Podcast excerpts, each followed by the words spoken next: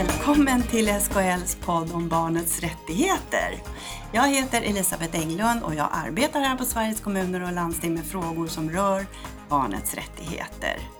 Idag ska vi prata om perspektivumgänge som är ett relativt nytt begrepp.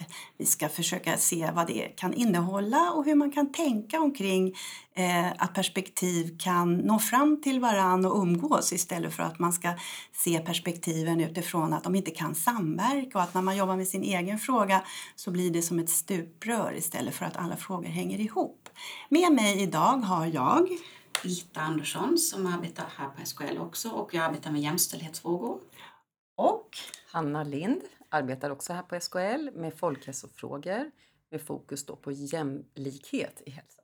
Spännande! Och tack för att ni vill vara med eh, i den här podden. Jag ser verkligen fram emot det här samtalet.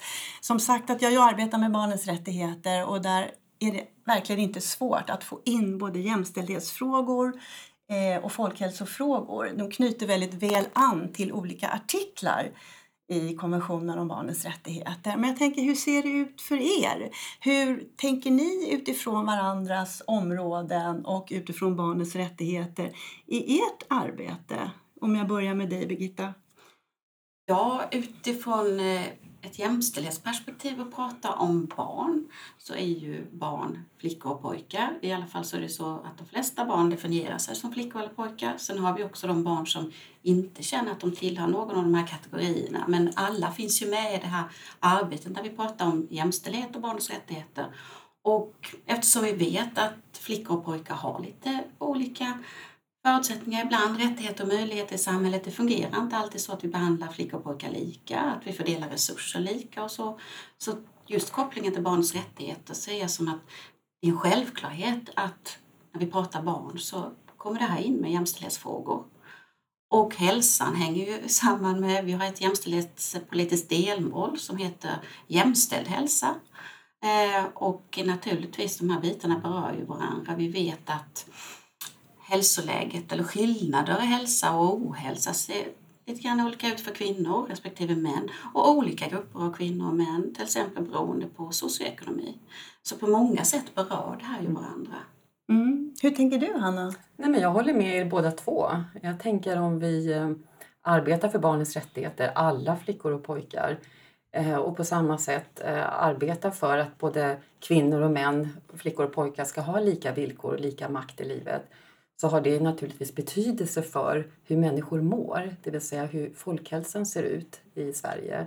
Sen vet vi precis som du Birgitta att det finns stora skillnader i hälsa. Och det är inte bara mellan kvinnor och män, för det finns det också mellan flickor och pojkar, utan det finns också inom gruppen till exempel kvinnor, stora skillnader beroende på, det kan ha med ålder att göra, det kan ha att göra med socioekonomiska faktorer, hur lång utbildning man har, hur, hur mycket pengar man har och andra faktorer som har betydelse för hälsan. Jag tycker att alla de här tre områdena hänger ihop på ett väldigt bra sätt.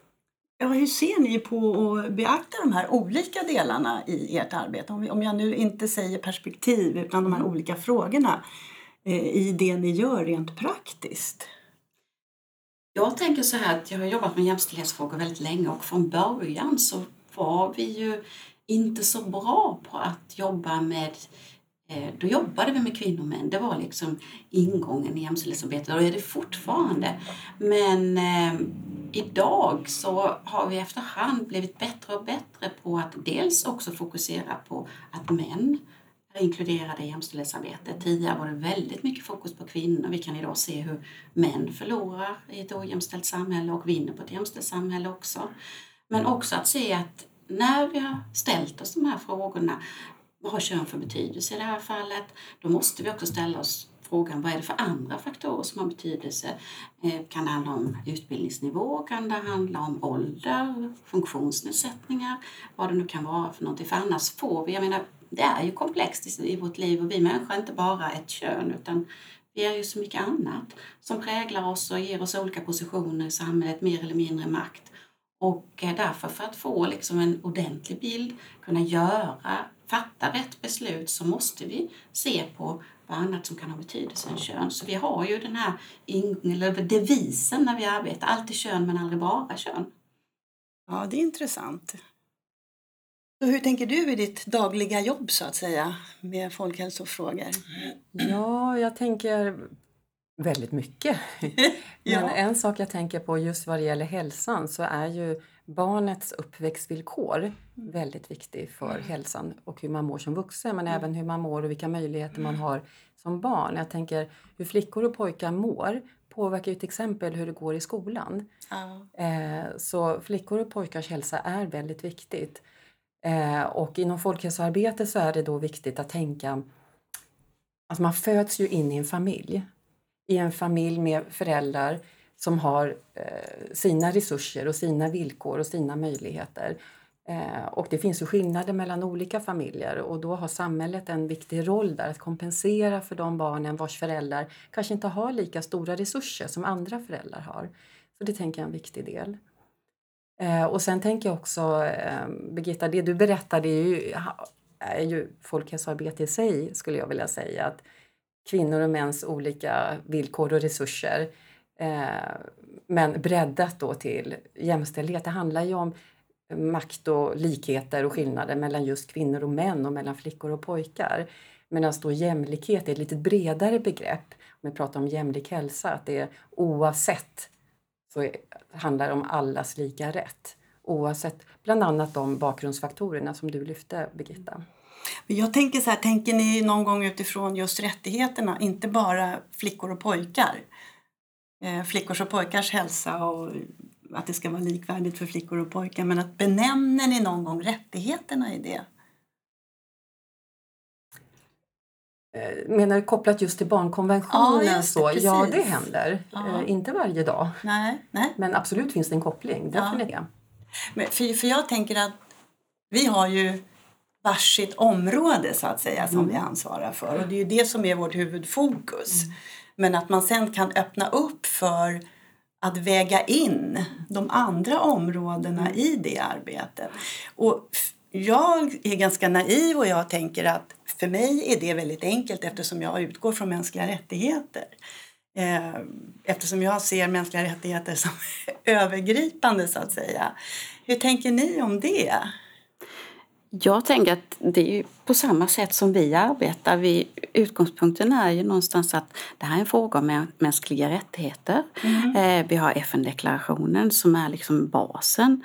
Till den så lyfter vi ju då CEDAW, kvinnokonventionen till exempel. Därför att det ansågs så fortfarande angeläget att lyfta just kvinnors villkor och kvinnors rättigheter. Eh, och sen kommer ju, och sen betar vi oss ner någonstans till vi har barnkonventionen som nu ska bli svensk lag och den finns där såklart. Och sen tittar vi på jämställdhetspolitiska mål och vi tittar på eh, för varje kommun eller region, vad är det som styr där? Alltså på något sätt för att förstå sammanhanget. Det här är ju inte så att om du sitter och arbetar med eh, tjejer och killar i skolan till exempel så är det ju inte så här att du gör det bara för att eh, det är bra för just den klassen. Utan det är ju någonstans i änden har det ju kopplingar till vår lagstiftning och till eh, mänskliga rättigheter såklart. Och det tror jag är väldigt viktigt att förstå den här kopplingen och se att vi är ett led i det arbetet. Hur kan man börja tänka då? Om man ska börja vidga sig för att ta in eh, andra perspektiv i sitt eget arbete. Jag tänkte bara först komplettera med det du sa Birgitta. Jag tänker att alltså, vi utgår ju alla från de mänskliga rättigheterna. Och exempelvis då hälsa är ju en rättighet. Eh, Men jag tänker i den dagliga verksamheten kanske man inte går runt och tänker att Åh, alla har rätt till en god hälsa på det sättet. Utan man tänker att oavsett hur man har det så borde alla få möjlighet att må bra. Och hur man mår, att det påverkar det dagliga livet och de möjligheter man har. Då tänker jag om du, man tar nu i klassen till exempel. Så tror jag att man som pedagog i klassrummet tänker att inte utgå från de mänskliga rättigheterna utan att det är viktigt att barnen mår bra här för då tillgodogör de sig också lä- lärandet mycket bättre. Eh, sen tänker jag som svar på din andra fråga så tänker jag alltså hur man kan börja. Jag tycker att det här samtalet som vi har här och nu det har vi ju ofta också på andra tider här i vårt arbete. Att vi pratar med varandra eh, och att vi ökar den här förståelsen för varandras områden. Att vi har ju samma mål egentligen och det är ju att alla flickor och pojkar och alla kvinnor och män oavsett eh, ska må bra eh, och ha ett gott liv. Så att jag tycker det här samtalet är ett sätt. Kan man tänka sig att det blir som att det här samtalet, den här podden, blir som en sorts eh, eh vågbrytare eller vad ska jag säga för de som lyssnar på oss sen så att de kan våga gå hem och eh, lyfta på locket och börja diskutera frågorna tillsammans. Ja, om inte de redan har gjort det. Det kanske är så här att då sitter de och lyssnar och så tänker de så här, oh det där gjorde vi för länge sedan. Ja. Vet ni inte det? Men om de inte har gjort det så ja. kan det ju förhoppningsvis inspirera. För att det är ju så roligt för det handlar ju om att vi lär oss mycket mer genom att ta de här diskussionerna, att reflektera utifrån våra, varandras kompetenser. Mm. Nej, jag tänker att det blir som en ny dimension mm. eh, när man mm. öppnar upp. Och sen, jag tänkte då föra in ett perspektiv som vi inte har här inne representerat och det är Agenda 2030. Mm. För jag träffar väldigt många som säger att Åh, det är så svårt med alla dessa perspektiv. Hur ska vi få ihop arbetet? Och det måste ju ni också höra. Mm. Eh, och Agenda 2030 är ju sånt där vad ska jag säga, relativt nytt område. Jämställdhet och folkhälsa och barnens rättigheter har ju hållit på några år. Men Agenda 2030 verkar vara någon sorts... Alltså det verkar vara svårt att få ihop sitt arbete med eh, de olika målen som finns i Agenda 2030. Tycker ni det? Alltså jag, för mig som jobbar med barnens rättigheter så är det väldigt enkelt och självklart. Ja, jag Anna. tänker faktiskt att det inte är så svårt. Nej. Eh, jag tänker de flesta både om vi nu pratar om kommuner och landsting och regioner har mm. ju under många, många år jobbat med hållbarhetsfrågor. Mm. Både ekonomiska och ekologiska och den sociala. Och där ryms ju de här frågorna. Det som är en fördel och som många också lyfter det är att nu har vi också ett ramverk i Agenda 2030 mm. där det väldigt tydligt eh, pekar på att de här frågorna hör ihop. Det finns mål kring både barnens rättigheter och jämställdhet och jämlikhet och hälsa eh, och att de är odelbara och alla hänger ihop. Ja. Så jag tänker att Agenda 2030 är egentligen inget nytt utan det är ett nytt sätt att, att eh, ra, göra ett ramverk av hållbarhetsfrågorna. Så jag tror att Agenda 2030 som ett ramverk eller som en inspiration eller en guide kommer underlätta och redan nu underlätta för väldigt många. Den har ju ändå funnits sedan 2015. Eh, så jag tror, tänker att eh, de frågorna vi pratar om här idag går väldigt bra att koppla till Agenda 2030 på olika sätt. Jag tycker bara den här bilden ser ut som en adventskalender. Ja, men jag tycker den är hjälpsam. Jag ja. tänker så här, jag tycker den är hjälpsam för på något vis, den är väldigt svår att glömma om du har sett den en gång. Va? Och de här, eh, okej, okay, då kanske nu kommer många att tänka på adventskalender framöver, men den är väldigt lätt att komma ihåg och de här färgerna och sånt. Och, eh, det tror jag är en vinst att den är tilltalande. Och för tänker jag, jag som arbetar med jämställdhet, jag tycker det är en väldig tillgång att det är så tydligt uttalat med jämställdhet. Att det dels är ett eget mål och att det ska mm. genomsyra, att det lyfts på olika ställen. Eh, jämlikheten, alltså de här frågorna, hälsa, allt det här finns med. Barnets rättigheter är så väsentliga, precis som du säger. Så att, eh, jo, jag tror det är mer hjälpsamt än svårt. Mm. Eh, Däremot så kan jag tänka sig att det kan bli svårt ibland därför att eh, i den globala kontexten där den liksom eh, finns, vi ska översätta den till Sverige. Och då kan det ibland bli lite besvärligt när vi funderar över vad innebär det för oss. Du menar mer konkret? Ja, mer konkret. I det arbetet det som vi gör på vårt ja. jobb varje dag? Ja, jag tänker, jag brukar ta det här exemplet med rent vatten till exempel, mm. när vi pratar vatten. Mm. Och då kan vi då koppla när vi pratar om många länder i världen så är det så att det finns inte rent vatten. Eh, en väldigt viktig sak för framförallt flickor och kvinnor när det gäller menstruationer, när det gäller förlossningar, för att flickor ska kunna gå i skolan till exempel. Eh, så är det ju inte här. Men å andra sidan tittar vi på hur skoltoaletter ser ut i Sverige och vetskapen om otrygghet, eh, sexuella trakasserier och många sådana här saker. Eh, att många flickor och pojkar inte går på toaletten för de är så snuskiga och obehagliga. Ja. Så platsar det ju direkt där för vi kan konstatera att de får risk att få urinvägsinfektion och den risken är större hos flickor än hos pojkar. Så visst har det bäring här också, men vi får klura lite grann ibland, tänker jag. Behöver du klura? Ofta behöver jag klura, men du tänker just i kopplingen till Agenda 2030. Ja, Alltså fördelen med Agenda 2030 tycker jag är, och jag tänker på det Birgitta du sa förut, att det är så bra man kan höra med andra. Hur har ni gjort? Hur har ni gjort? Och här har vi nu någonting som vi kan ha samma språk kring. Alltså det blir något gemensamt. Jag skulle kunna åka till ett land i Sydamerika och prata om Agenda 2030 med dem. Hur gör ni för att uppnå till exempel vattenfrågan eller någonting annat? Det tycker jag är den stora fördelen. Sen tänker jag att det arbete vi behöver göra är ju precis det här att omsätta det till våran kontext. Och kontexten, det är en del svensk kontext men sen ser det väldigt olika ut i olika kommuner, i olika regioner. Och där måste man utgå från de utmaningarna och de möjligheter man har regionalt och lokalt. Mm. Och utifrån det, de eh, mål och budgetstrukturerna man själv har och se hur hänger det ihop med Agenda 2030? Hur kan det bidra till de globala målen? Och tvärtom, finns det någonting i de globala målen, Agenda 2030, som kanske våran kommun eller region inte jobbar med, ja men då kanske det är någonting vi ska lyfta in i våra styrning och ledningssystem. Så att det, det, det blir ett bra ramverk. Mm. Men just det där du sa att det blir världens beslutsfattare får ett gemensamt mm. språk. Det var mm. precis det som sades när konventionen kom. Nu får världens beslutsfattare ett gemensamt språk för att barn har egna rättigheter. Mm. Och till exempel det här kända begreppet om barnets bästa som verkligen används i alla stater väldigt aktivt. Även om när det kommer ut i ett land så betyder det en sak och är man barn i ett annat land så betyder det någonting annat. Eh, tolkningen är ju regional och lokal. Eh, och barnens bästa ska ju ses som en eh, att det är ett, ett, utvecklande, ett utvecklat begrepp så att säga. Som inte är, det är aldrig färdigt utan det händer någonting med begreppet hela tiden. Mm.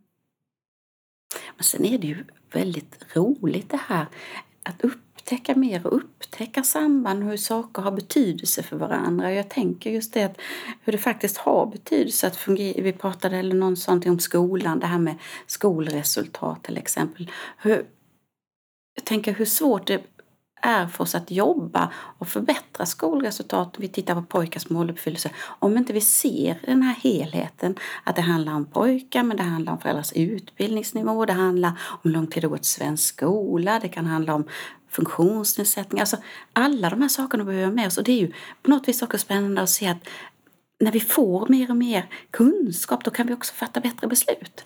Vi kan göra bättre saker. Och det är någonting jag tänker eh, inom folkhälsoområdet eh, slår det mig nu när du säger det här. Då tänker jag, fan, Sverige är ju ett fantastiskt land vad det gäller uppföljningar och statistik. Vi har ju hur mycket statistik som helst. Och inom folkhälsoområdet så ser vi ju de här skillnaderna då i hälsa, de här, det här hälsogapet mellan olika sociala grupper i samhället och vi kan se att de som har starkare resurser, där blir också hälsan bättre. Och medan andra grupper inte. Men det jag tänker vi har att lära oss, om vi ska prata om vad vi har att lära oss av varandra, av våra mm. olika områden, så ser jag att inom jämställdhetsområdet där ni är väldigt bra på att analysera. Jag tänker då till exempel det du sa nu om pojkars skolresultat. Mm. Vad kan det ha att göra med förväntningar på pojkar? Det spelar ju också mm. roll. Mm. Och det tänker jag, det kan vi dra lärdom av inom folkhälsoområdet när vi ser skillnader till exempel mellan kvinnor och män. Mm. Vad kan det bero på? Det kan ha att göra med inkomst till exempel eller med utbildningsnivåer. Men okej, okay, kan det också ha att göra med att kvinnor har lägre inkomst och vad beror det på? Mm. Och gå tillbaka sen, och vad beror det på? Då handlar vi om de här olika normerna som finns i samhället och förväntningar på till exempel hur en flicka ska vara och en pojke ska vara. Det tänker jag att vi kan dra väldigt stor nytta mm. av eh, eh, mm. från jämställdhetsområdet. Så jag tänker att vi har mycket att lära av varandra mm. och mycket också att vinna på att samarbeta och analysera tillsammans, mm. tänker jag. Att man gör det på hemmaplan. Vad jag ser nu när vi pratar så här, eller när ni pratar så här, så blir ju folkhälsa och jämställdhet verktyg för att tillämpa barnens rättigheter. Det vill säga, FN-kommittén är ju väldigt tydliga med att för att vi ska kunna leva upp till artikel 2 i konventionen så ska vi samla data och göra kartläggningar över hur det ser ut för barn oj nu är vi i Sverige, så barn i Sverige då.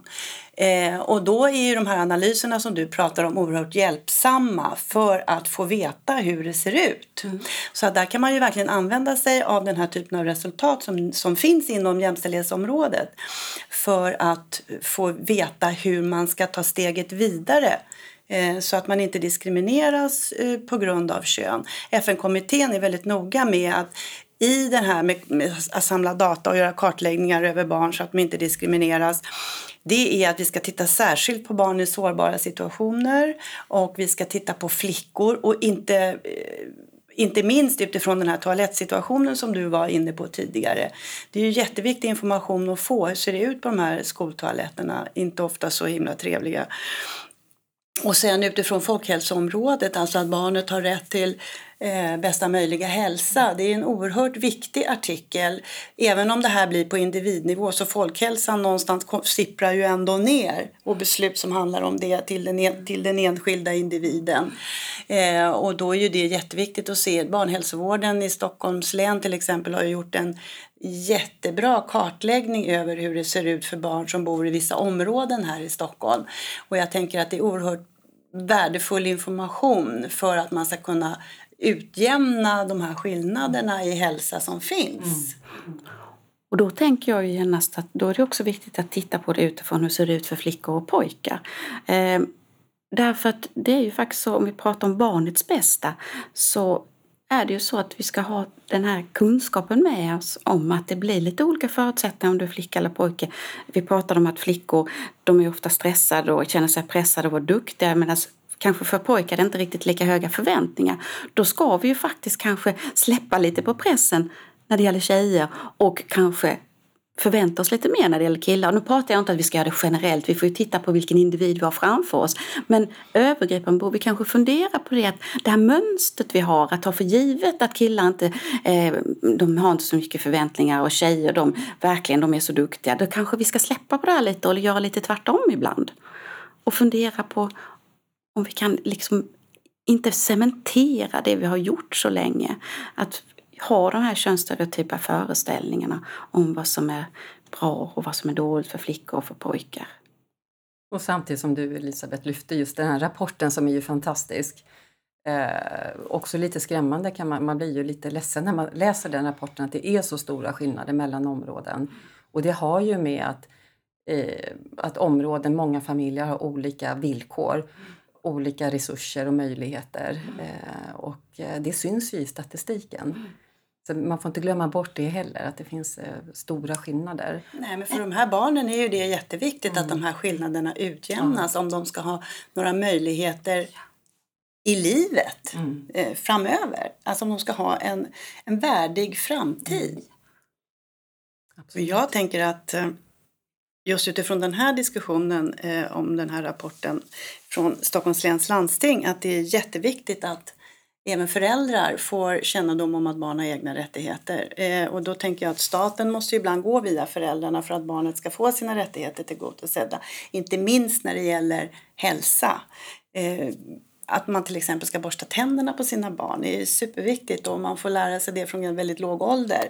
Men jag tänker så här, får alla föräldrar egentligen lära sig det eh, inom barnhälsovården idag? Är det obligatoriskt i alla områden att man pratar om en sån sak till föräldrarna? Alla vet att barn ska borsta tänderna men i vilken omfattning tänker jag? Barnhälsovården, eh, när man tittar på statistik där så kan man ju se att de verkligen når ju i stort sett alla föräldrar mm. just via eh, de samtalen och uppsökande verksamhet man har. Men sen tror jag att kan, behoven kan variera. Mm, mm. Om man själv som förälder är uppväxt med mm. fluortanten mm. Eh, med föräldrar som har, har tjatat på en att borsta tänderna två gånger om dagen mm. då, då, är det lättare att också göra det med sina barn. Men sen kan man vara uppväxt i ett land där man inte haft de rutinerna. Och då tänker jag att barnhälsovården behöver eh, träffa och söka upp dessa familjer kanske i högre grad. Mm. Så att eh, jämlikt handlar ju verkligen om att göra ojämlikt så att säga för att vi ska uppnå en mer jämlik eh, barn och hälsovård till exempel. Mm, mm. Så man med sig det tankesättet. Ja. När jag fick en annan jag, jag tänkte just på det här med när vi tittar på till exempel resursfördelning och sånt. Det är också väldigt väsentligt att titta på där vi kan prata om olika, till exempel när det gäller kulturskola eller när det gäller idrott och fritidsaktivitet och sånt där. Eh, fördelat på olika områden och vilka, vilka kan ta del av det och eh, vad som då är till exempel får föreningsbidrag och inte föreningsbidrag. Där har vi ju skillnader. Eh, det kan också vara så att det är svårt att ta sig från vissa områden till ställen där kan göra det eh, beroende på var du bor. Eh, men vi vet också när vi tittar på det generellt sett att det ofta är så här att eh, väldigt mycket kanaliseras genom föreningsbidrag när det gäller idrott. Och det är fler pojkar som får del av detta till exempel än flickor. Och då vet vi också att flickor oftare då väljer saker som inte omfattas av detta, till exempel gå på dans, yoga eller något sånt. Eh, det innebär att de får bekosta detta själv. Eh, och då är det ju faktiskt en fråga om vilka som har råd att bekosta det själv också. Så att där vävs det också in i varandra. Och absolut en jättestor koppling till hälsa naturligtvis, att röra på sig. Och där är också eh, väldigt tydligt påbud från FN-kommittén att eh, barnens rättigheter och barnens röst inte minst ska genomsyra den här budgetprocessen. Och jag tänker att för att man inte ska diskriminera någon grupp så är det också jätteviktigt att man tittar på eh, ja, inte minst kön. Och enligt FN-kommittén ska man också titta på skillnader mellan barn som bor i stadsområden och mer på landsorten. Mm. så att det blir en likvärdig mm. barndom. Ja, hörni, tack för det här samtalet. Det var jättespännande att prata med er och det ena gav ju det andra kan man säga. Ja. Absolut, ja. tack själv. Det ja, var jätteroligt. Själv, ja. Vi fortsätter väl sen? Absolut. Det, vi fortsätter i fikarummet. Ja, absolut. Tack för idag. tack. tack.